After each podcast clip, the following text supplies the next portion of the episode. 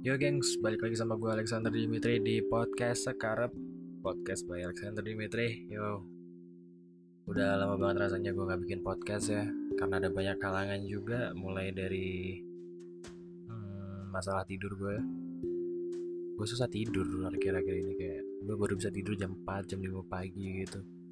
Terus habis itu seharian kayak gak ada mood buat ngomong Gak ada mood buat bikin apa-apa gitu Seharian tidur gitu kan apalagi tambah libur ya kan. Aduh aduh. Ya ini udah hampir sebulan dari terakhir gue upload podcast gue dan ini mumpung ada sesuatu yang mau gue bahas makanya gue memutuskan untuk bikin podcast gitu kan. Nah jadi kali ini kita bakal membahas sedikit banyak sedikit banyak tentang komedi. Gue nggak tahu bakal berapa lama durasinya. Ini gue bikin podcast jam 6 sore ya jadi kalau ada banyak banyak background noise yang berisik gitu kayak suara adik-adik gue pada teriak-teriak gitu ya kan ada suara jalan suara pesawat lewat. Rumah gue deket bandara by the way. Jadi ketika ada suara pesawat lewat itu itu adalah sesuatu yang wajar gitu. Oke kali ini kita bahas tentang komedi apa yang bakal kita bahas? Jadi ini ada rame di twitter tweetnya Coki Pardede. Coki Coki MLI yang kalau kalian tahu dia adalah seorang stand up comedian yang sekarang ada di bawah manajemen Majelis Lucu Indonesia.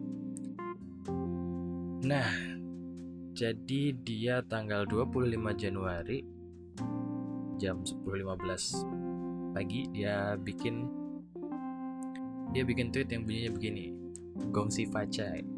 Tanda seru, tanda seru. Terus ada enter ke bawah gitu jokesnya adalah apakah di Tiongkok pas angpau dibuka isinya virus corona? Waduh.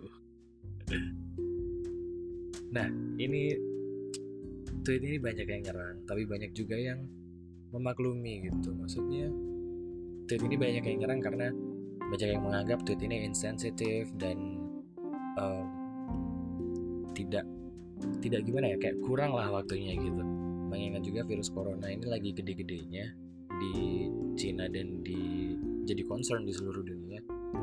Nah, ada banyak yang balesin gitu, banyak yang banyak yang menganggap it's okay, it's a dark jokes, uh, it's fine, it's all good. Tapi ada juga pegiat-pegiat stand up comedy lainnya seperti Sadia Ma'ruf dan um, siapa itu Ernest Prakasa ya, Ernest Prakasa yang kontra dengan jokes ini. Ernest Prakasa sendiri bilang um, langsung nge-quote tweetnya Coki yang ini gitu. Ernest Prakasa bilang even a dark jokes is a joke. Tapi di sini gue nggak lihat di mana sisi jokesnya. Intinya seperti itu. Atau gue cariin dulu tweet.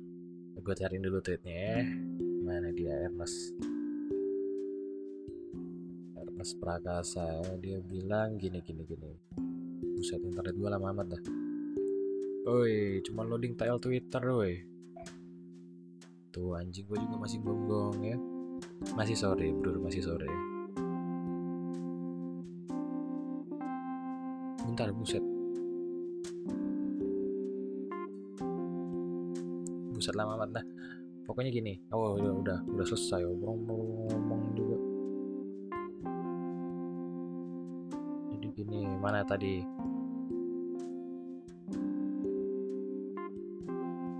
Mana tadi? Oh, ini dia tweetnya. A dark joke is still a joke. Kalau dark doang tapi kagak ada lucunya, menurut gue sih jatuhnya cuma cari sensasi. Waduh. Hmm, Ernest Prakasa ini adalah orang yang well respected di kalangan stand up komedia. Jadi ketika beliau bilang seperti itu, gue rasa it's it's really being it's really need to be concerned gitu. Tapi gimana kalau uh, kalian tanya pendapat gue gitu.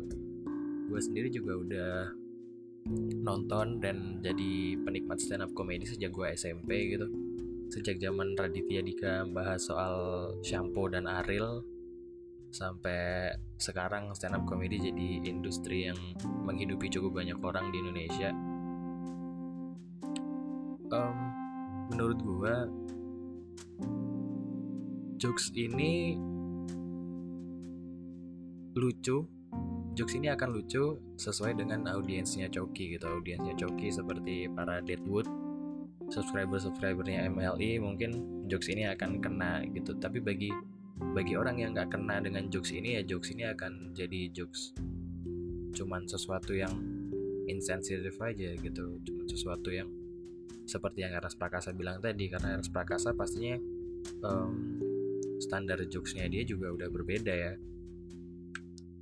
jadi dia menganggap jokes itu cuma cari sensasi aja. Tapi menurut gua itu tadi. Jokes ini tetap jokes gitu. It it segala sesuatu yang made meant to be a joke it's still a joke. Yang jadi masalah adalah ketika waktunya salah dan dan itu dark jokes itu dark, dark jokes di waktu yang salah itu it's it's a big mistake man. Maksudnya ini lagi Wuhan kota kota Wuhan di Cina itu lagi diisolasi. Itu udah kayak beneran The Walking Dead atau I Am Legend yang ada di film-film gitu ya. Kotanya beneran diisolasi gitu.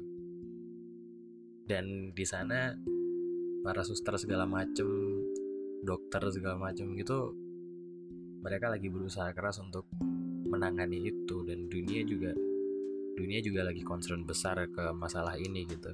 Dan ketika kita bikin jokes tentang itu terutama di sini kita bicara tentang seorang Coki Pardede yang exposure-nya exposure account-nya gede um, dia juga dalam tanda kutip public figure akan banyak orang yang merasa bahwa jokes ini salah jokes ini tidak patut untuk dilemparkan gitu. Tapi menurut gue ya balik ke itu tadi. Ketika itu dimasukkan sebagai jokes ya ya it's a jokes gitu. If you find it unfunny then the joke is not for you gitu. Kenapa? Tapi ketika banyak yang tanya kenapa banyak orang yang tersinggung karena memang dark jokes adalah jokes yang insensitive dark jokes adalah jokes yang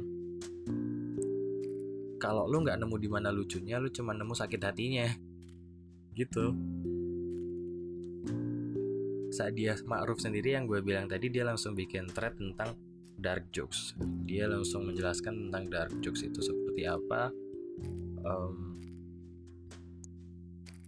kita akan lihat uh, thread tentang dark jokes yang dibuat sama Sadia Ma'ruf ya kita baca kita baca baca sedikit lah cuman beberapa tweet sih. Banyak ternyata astagfirullah. Jadi di sini Sadia Ma'ruf memberikan contoh yang menurut gue bagus banget. Contoh-contoh tentang dark jokes. Tweetnya itu ada yang mau tahu bentuknya dark jokes? Ini contoh. Satu, revolusi rasial 60-an di US ada aktivis stand up komik yang masyur Dick Gregory beat yang paling terkenal saat ia masuk restoran kulit putih. Waiter I am sorry we don't serve nigger. Dalam artian di sini kita maksudnya adalah mereka nggak melayani orang kulit hitam gitu. Terus uh, di Gregory-nya jawab great I don't eat them. Bring me some chicken. Nah itu adalah itu adalah salah satu contoh dark jokes yang membawa masalah racial yang kedua ada humor Yahudi yang terkenal pula tentang stereotip bangsa Yahudi yang amat pandai ketika ditanyai mengapa pro-choice yang artinya mendukung hak untuk memilih aborsi, seorang Yahudi bilang, karena kami nggak anggap anak itu anak sampai ia punya PhD.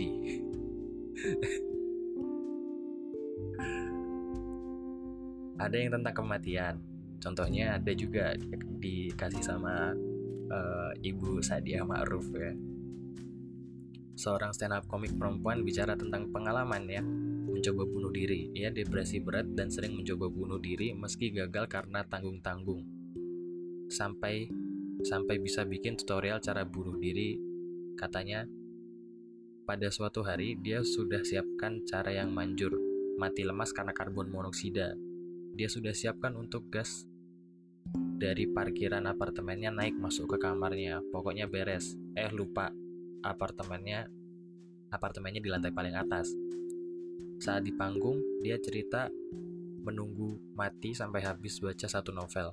Tetangganya lewat dan bertanya bunuh diri lagi miss? Iya nih. Udah novel kedua belum mati juga. Akhirnya ya tertolong tapi tertolong terapi dan bisa bercanda dengan upaya bunuh dirinya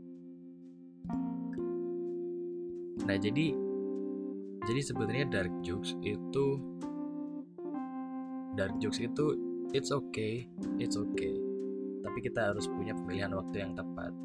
Coki di sini memilih waktu yang sangat tidak tepat untuk melempar dark jokesnya, mengingat itu adalah suatu bencana yang besar di suatu negara dan juga ada juga uh, masyarakat kita yang ada di sana gitu. Kalau bicara soal batasan untuk dark joke sendiri, gue rasa nggak ada. Um, ketika jadi gini, lo bikin jokes itu lo harus tahu uh, audiensnya siapa ketika sasaran audiens lo itu malah mereka malah marah nah di situlah lo harus tahu kalau dark jokes lo itu udah salah maksudnya nih gini misalnya lo bikin suatu jokes suatu setup dark jokes yang mana sasaran audiensnya adalah anak-anak SMA kalian bikin dark jokes tentang kehidupan SMA dengan sasaran audiens jokes itu adalah anak SMA. Nah, ketika kalian lempar itu ke anak SMA, tapi anak SMA-nya marah-marah-marah, nah di situ kalian harus tahu bahwa jokes kalian itu ada yang salah di jokes itu. Entah bagaimana deliverynya atau entah bagaimana penulisan jokesnya gitu. Nah, ada juga salah satu salah satu stand up comedian yang dark jokesnya itu parah banget. Namanya adalah Anthony Jeselnik. Anthony Jeselnik itu dia pernah dia pernah dapat kesempatan untuk punya suatu acara di TV gitu. Acara tentang komedi lah pokoknya. Acara entah itu talk show uh, eh, gue nggak terlalu ngikutin acara itu tapi ada satu segmen di mana namanya adalah Shark Party di situ Anthony Jeselnik ini gini gini jadi Shark Party ini adalah segmen yang hanya muncul ketika ada berita orang yang mati karena uh, ada masalah sama hiu gitu di laut. Misalnya kena gigit hiu, kemakan hiu, keseret hiu gitulah pokoknya. Jadi anjing, gue mau bahas ini aja ketawa banget. Jadi tiap kali ada berita, misalnya dia lagi bikin acara itu, terus di hari yang sama ada berita masuk bahwa ada orang yang mati karena di karena ada masalah sama hiu di laut gitu, di terbunuh sama hiu di laut gitu. Dia akan bikin pesta gede-gedean, bikin pesta gede-gedean di studionya pakai musik untuk mencelebrate kematian orang ini yang dikarenakan oleh hiu. Jadi jadi waktu partinya itu ada cewek-cewek gitu kan stripper-stripper masuk pakai pakaian hiu gitu terus nanti ada badut hiu gede banget gitu yang masuk sambil joget-joget. Terus mereka juga ikut joget bareng Anthony Jeselniknya joget gitu sambil nanti ada foto korbannya itu dipampangin di layar yang ada di belakangnya Anthony Jeselnik. Buset itu kalau itu dark jokes at its finest man. Itu dark jokes at, its finest. Ada juga salah satu contoh dark jokes. Oh jadi gini um, shark partinya Anthony Jeselnik ini dia kena kecam sama banyak pihak ternyata walaupun banyak juga yang menikmati. Tapi pada akhirnya karena itu adalah acara TV acara TV mainstream akhirnya um, TV-nya memutuskan untuk Shark Party ini udah nggak ada lagi gitu. Tapi padahal itu lucu banget sayang banget sih. Um, karena pertimbangannya apa? Bukan cuman bukan cuman masalah lucu atau enggaknya karena gue yakin juga bakal banyak yang menikmati uh, Shark Party-nya Anthony Jeselnik ya. Tapi di lain sisi kan kita juga harus uh, memperhatikan keluarga korban seperti apa gitu. Ya ya bayangin bapak orang gitu meninggal gara-gara keseret hiu terus paginya Anthony Jeselnik joget-joget gitu ada foto bapak orang. Gimana gitu fotonya dipampangin di layar gede gitu habis itu dia joget-joget Anthony Jeselniknya joget-joget sama hiu-hiu gitu. But but it's still a good joke it's still a good dark jokes gitu. Ada juga seorang stand up comedian lain namanya Andrew Schultz. Dia pernah ngejokes tentang sexual slavery. Dia bilang ya kita harus akui dari segala macam bentuk perbudakan yang bisa kita maklumi hanya jadi budak seks gitu. Terus dia terus dia bilang bayangin kalau kita kalau kita ada undian gitu isinya adalah perbudakan apa yang harus kita ambil terus undian itu diputar kita pasti memohon kita bakal jadi budak seks. Gitu sambil lo bilang sambil lo pasti bakal teriak jangan sampai jadi budak yang ngambil kapas gitu. Itu itu lucu banget. Terus apalagi dia bahas itu waktu lagi ada masalah perbudakan seks terhadap anak di bawah umur. Yang dilakukan sama seseorang yang lumayan terkenal di US sana. Jadi jadi ceritanya adalah ada satu pulau yang dibeli sama perorangan dan dijadikan tempat untuk menaruh anak-anak di bawah umur yang dijadikan pada akhirnya dijadikan budak seks gitu. Terus Andrew Schultz ini juga bilang ada jokesnya, dia bilang gini, gue bisa paham kenapa yang dia jadiin budak seks adalah anak-anak di bawah umur. Karena ketika anak-anak ini berusaha kabur, dia cuman dia cuman dia nggak perlu repot-repot nyari, dia cuman perlu nyanyi baby shark du du du du du, baby shark du du, du. Itu itu jokesnya itu tai banget itu jokesnya dark banget kalau kita bisa lihat di situ. Kalau lo bisa lihat di situ sexual slavery gitu. Apalagi nih underage under underage sexual slavery. Dan dia bikin jokes tentang itu dan itu kena gitu. Nah masalahnya dengan coki ini adalah kembali lagi ke coki. Sekali lagi gue bilang masalah waktu dan ya tetap masalah waktu sih karena gue menganggap kesiapan masyarakat juga itu masih masih bicara tentang waktu. Um, kalau kalau bicara soal waktu juga gue rasa Coki nggak belajar sama pengalaman terakhirnya ya yang dia ngomentarin tentang banjir di Jakarta. Waktu lagi heboh-hebohnya banjir lagi banyak korban gitu dia malah bikin jokes di Twitter dan yang akan bakal terdengar cheesy lagi alasan kenapa Coki salah adalah dia nggak tahu dirinya siapa gitu. Dia ada banyak engagement masuk dia ada banyak exposure-nya dia gede gitu kan. Tapi dia malah bikin jokes seperti itu yang tentunya akan menuai banyak pro dan kontra gitu. Padahal ya di Twitter itu banyak orang bikin jokes tentang coronavirus ini juga fine-fine aja gitu banyak juga yang retweet banyak juga yang suka gitu kan. Ya cuman di podcastnya kalau nggak salah di podcast yang diputar di platform lain ya platform yang di mana gue belum masuk di platform itu. Jadi gue nggak mau nyebutin. Di podcastnya Coki dan Muslim itu musuh masyarakat judulnya. Uh, di situ Tretan bilang kalau alasan kenapa mereka nggak diserang adalah mereka bukan coki. Mereka di sini adalah orang-orang yang bikin jokes tentang banjir juga.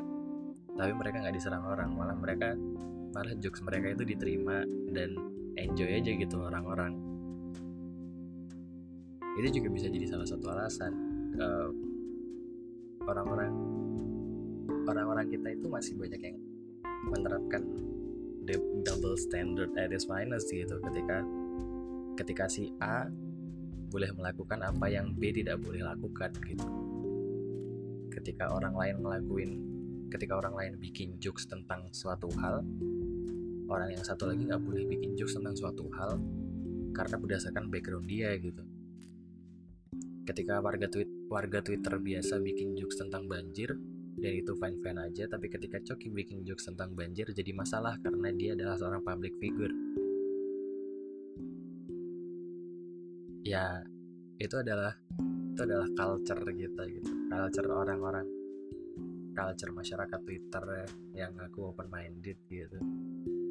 Tapi ketika ada sesuatu yang nggak sesuai sama dia dia ngamuk-ngamuk. Oh. Di sini di sini gue nggak menyalahkan mereka-mereka yang tersinggung ya tapi di sini gue berusaha untuk uh, membuka pandangan dari dua belah sisi. Sisi orang yang berusaha memahami berusaha memahami um, dari sisi si Coki Pardede dan berusaha memahami dari sisi seorang orang-orang yang tersinggung ini orang-orang yang tersinggung akan jokesnya ini. Nah jadi jadi apa lagi? Apa lagi yang mau dibahas? Apa lagi yang mau dibahas? Masih 20 menit nih belum belum wow gitu belum asik gitu masih 20 menit.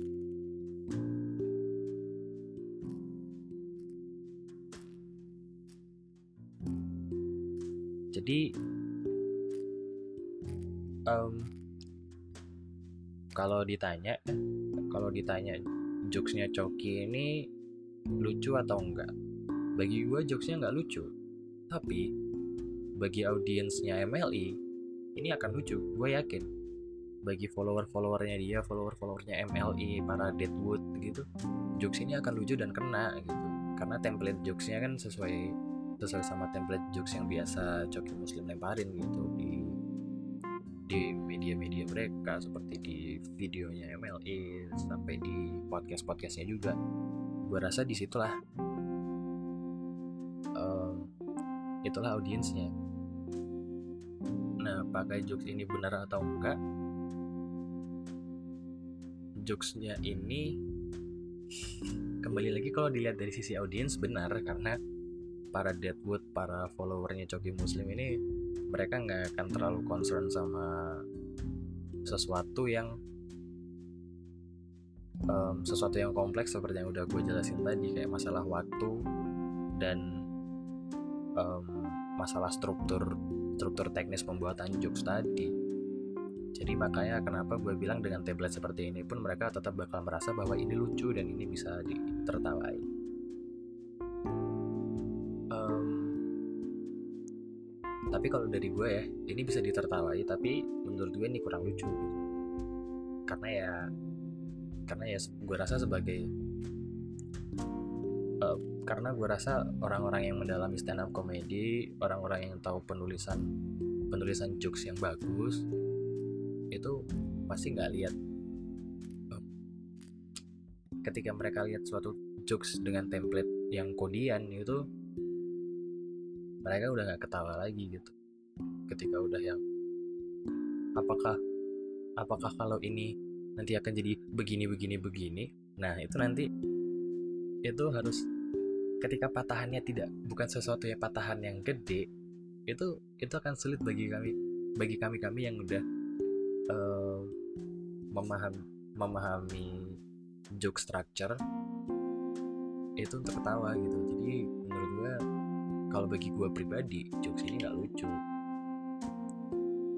Tapi apakah jokes ini benar?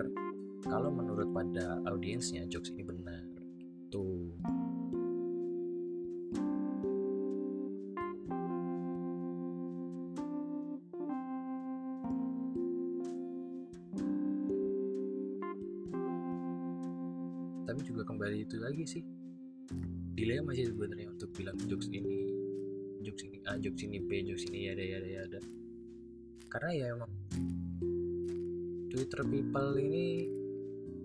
people ini banyak jenisnya banyak ragamnya gitu. Kayak kadang logikanya mereka itu banyak yang nggak bisa dipahami gitu. Sampai bentar.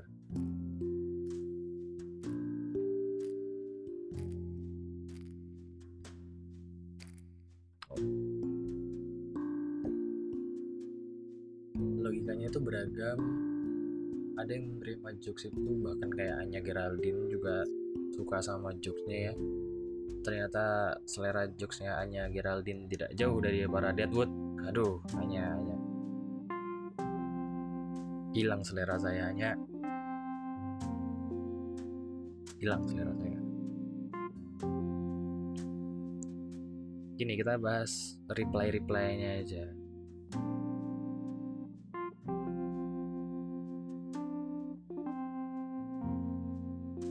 kita bahas reply replynya aja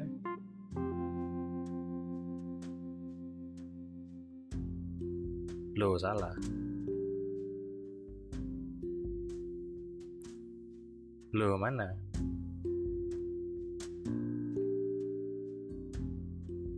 Loh, mana yang gongsi pacai? Hei. Nah, ini. Ini di reply sama 2741 orang. Di retweet sama 2869 orang. Dan uh, likes-nya itu sampai 12,1k. Wow. Di sini ada atas nama Logic Editor, at Logic underscore Editor. Dibilang dark jokes, humanity above religion, ah tai lu cok, otak lu si tai. Gue sempat pikir lu cerdas dan cuma sedikit rebel. Lu cuma sampah goblok nyari sensasi doang hari kelahiran lu harusnya diperingati jadi hari berkabung komika hmm. ini adalah salah satu bentuk warga negara kita ya, di mana ketika lihat sesuatu yang gak cocok mereka bakal marah-marah gitu hmm. tapi sisi benarnya dari tweet ini adalah uh, karena coki muslim kan menyuarakan humanity above religion dan segala macamnya ya tapi ketika ada suatu problem, suatu masalah yang uh, membawa dalam hal ini menyerempet tentang humanity, bahkan human existence ya. Di China gitu virus, it's a virus dude, it's a big thing. Dia malah bikin jokes yang insensitif bagi beberapa orang. Di sini ada Chef Arnold, nggak gitu mainnya cok sambil emoticon ketawa, tapi um, I think Chef Arnold bukan ada di posisi yang pro ataupun kontra sama jokes ini but I don't know. Anya Geraldine bilang dark jokes, koma love it. Hmm. Really aja is that how you jokes in your daily life? Come on come on girl come on girl terus ada Zari Hendrik. Kalau kalian nggak tahu siapa Zari Hendrik ini gue juga sebenarnya nggak tahu Zari Hendrik ini siapa ya. Tapi dia pokoknya internet personality lah pokoknya gitu. Dia nge-reply dengan hmm sepertinya masih aman. Ku tambahin deh. Dia langsung dia juga menyematkan foto di situ fotonya itu adalah screenshot screen capture dari ada berita ikut terjangkit dokter pemberantas corona meninggal di Cina. Terus ada yang reply gitu. Reply-nya itu adalah Tuhan sebaik-baik pembuat makar. Mereka sudah membuat karantina camp konsentrasi bagi muslim Uighur. Sekarang giliran mereka yang dikarantina. Oh Tuhan maha adil. Aduh gitu internet people di Indonesia gitu. Terus terus ini ada Fierda at Fierda berkali-kali manusia ada musibah dipecandain wabah penyakit dipenja, dipeca, adalah dipecandain. Emang minus empatinya. Koar-koar aja yang paling kencang humanity above religion. Nyawa manusia cuma sekedar bahan lawakan buat dia. Nah tweet ini mau gue bahas uh, gini ya berkali-kali nih manusia ada musibah dipecandain, wabah penyakit dipecandain, minus empatinya. Gini, uh, many, many comedian show their empathy by making those tragedy to become a joke. Um, cara cara komedian kadang cara komedian itu kan berbeda-beda untuk menunjukkan empatinya ya. Ada yang stay away from the stay away from the tragedy atau atau mereka bahkan tidak membahas tra trage tragedi itu sama sekali ada juga bahkan yang mereka menaruh concern mereka mereka menaruh perhatian terhadap musibah itu lalu mereka menggali menggali tentang musibah itu lebih dalam dan ternyata di pertengahan mere proses mereka berempati itu mereka menemukan suatu hal yang menggelitik bagi mereka dan itu bisa itu bisa dijadikan jokes gitu. Seperti yang gue jelasin tadi ada Andrew Schultz yang ngejokes tentang ngejokes tentang sexual slavery underage sexual slavery. Itu itu kalau lu nonton itu kalau lu nonton ketika dia naikin beat itu di situ lu bisa lihat kemampuan observasinya gitu. Lu lihat kemampuan observasi dari seorang Andrew Schultz yang mana dia tahu nih sampai bentuk-bentuk pulaunya segala dia tahu. Berarti di situ dia menaruh di situ dia sempat menaruh empati. Bukan sempat juga sih dia menaruh empati karena di awal di awal beat juga dia bilang it's fucked up what happening lately gitu. Dia bilang kalau apa yang terjadi itu fucked up gitu. Tapi pada akhirnya dia menemukan sesuatu yang menggelitik dan end up itu jadi jokes. Nah sebenarnya tragedi untuk jadi jokes itu nggak masalah. Tragedi terutama, terutama ya tragedi yang um, terutama tragedi yang kita alami sendiri. Jadi um, ketika orang beranggapan bahwa tragedi itu tidak bisa dijadikan sebagai bahan jokes gua rasa itu salah besar karena uh, dark jokes itu banyak juga audiensnya. Banyak juga emang dengerin dark jokes itu karena kalau kita gini ya jujur ya gue kalau dengerin gue kalau dengerin atau nonton stand up comedian Indonesia sekarang itu agak udah agak males karena pattern jokesnya itu akan seperti itu itu aja gitu kecuali ada beberapa komedian yang gue masih respect gitu cara mereka observasi suatu kasus. Uh, kadang mereka bikin jokes itu bukan kadang juga ya.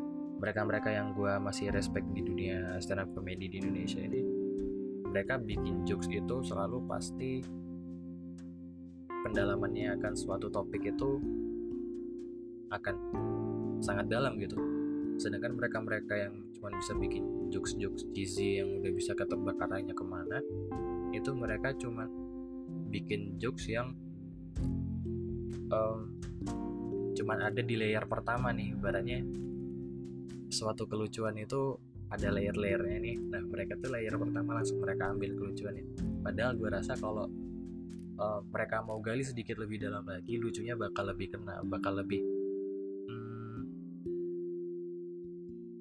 audiens audiens mereka akan lebih luas ketika mereka menggali uh, jokes itu lebih dalam gitu. Nah, sampai mana tadi? Oh ya. Yeah. Jadi humor di Indonesia humor di Indonesia ini kadang masih ada yang membatasi gitu. Maksud gue banyak orang yang masih menganggap bahwa uh, suatu tragedi, kematian, segala macam itu nggak bisa dibecandain menurut gue itu salah sih menurut itu salah. Karena uh, tragedi itu malah terkadang kita bisa lihat kita bisa lihat banyak hal unik yang terjadi di tengah-tengah tragedi dan terkadang itu juga lucu gitu. Kalau kayak misalnya waktu gempa dulu waktu gue kecil di Jogja gempa tahun 2006 itu gempa yang gede itu itu banyak itu banyak orang yang um, jadi jadi kuat gitu. Powernya tuh jadi strong as fuck gitu. Maksud gue sempat ada isu tsunami. Semua orang bingung mau ke mana gitu kan. Jadi pada saat itu bangunan tertinggi dan terkokoh di area dekat rumah gue adalah jembatan layang gitu kan. Flyover di dekat rumah gue jadi um, ada orang yang arah jalannya itu berlawanan dengan arah ke flyover. Dia naik motor Tiger waktu itu Honda Tiger. Motornya gede gitu kan motor laki. Jadi dia karena saking paniknya dia nggak mau ngejar putusan jalan yang masih lama masih jauh. Dia nggak mau buang-buang waktu. Dia ngangkat motornya yang Tiger itu yang motornya motor laki motor gede gitu. Segede fiction lah pokoknya kalau sekarang kalian tahu ya itu dia cut naik ke trotoar supaya muternya nggak jauh-jauh amat gitu. Nah itu kalau kalau kita mau mengolah itu jadi jokes sebenarnya bisa kan. Pada akhirnya kan kita juga bikin jokes tentang tragedi gitu. Kita bikin jokes tentang gempa. Kita bikin jokes yang asalnya adalah dari tragedi. Apakah itu boleh? Boleh dong. Terus uh, ada juga waduh nggak gue ngikutin jokes gitu. Itu gelap banget males gue oke jadi pokoknya gitu aja ya. Pokoknya semoga uh, gue mau gue berharap apa yang gue omongin ini udah bisa jadi apalah bisa jadi sedikit pencerahan lah gitu buat teman-teman pendengar sekalian. Kalau bahas tentang dark jokes dan lain sebagainya ya. Jadi pokoknya intinya itu ketika ketika lo ketika lo baca dengar atau melihat dark jokes dan lo cuma ngerasain sakit hatinya itu berarti lo bukan lo audiens yang dimaksud sama si penulis jokes karena dark jokes is not for everyone gitu. Tapi kenapa banyak juga orang yang menyadari bahwa dark joke is not for everyone tapi ketika mereka melihat ada dark jokes yang salah mereka marah-marah? I don't know why. I don't know why oke okay. nah jadi itulah intinya bro. Itulah intinya bro. Ini gue mau nutup bingung nih gimana ini jadi ketika ketika orang yang mendengar dark jokes itu adalah bukan sasaran audiens yang sesuai dengan harapan si penulis jokes maka yang akan terasa cuma sakit hatinya aja gitu jadi kalau lo lihat suatu dalam tanda kutip dark jokes yang sesuatu sesuatu yang dark yang dimaksudkan untuk sebagai joke dan lo cuma merasa sakit hatinya aja itu berarti sasaran audiensnya bukan lo oke okay? So terima kasih udah dengerin ini udah 37 menit juga. Uh, mohon maaf kalau pembahasannya sedikit ngalur ngidul dan tidak beraturan karena gue juga nggak bikin skrip ini. Malas banget bikin skrip gitu gue lebih enak kebacot sendiri kebacot langsung gitu. Oke nantikan juga podcast podcast gue berikutnya yang nggak tahu kapan bakal di upload kapan juga yang bakal kapan bakal dibikinnya juga gue nggak tahu ya jadi stay tune aja. Jangan lupa jadi penggemar gitu. Jangan lupa subscribe biar muncul notifikasi. Jangan lupa jadi follower gue di podcast ini. Karena podcastnya judulnya sekarap ya. Jadi suka-suka gue gitu uploadnya kapan. Jadi gini sebenarnya gue kemarin udah record gitu. Record ada podcast 3 jam ya 3 jam bareng teman gue tapi waktu dimasukin ke audition buat diedit edit eh ternyata filenya korup gitu. Jadi mohon maaf. Itu harus itu ntar harus gue bikin ulang gitu. harus gue record ulang. Padahal itu udah tiga jam. Ya malah jadi curhat. Oke sampai segitu aja. Tungguin podcast gue selanjutnya. Peace out boys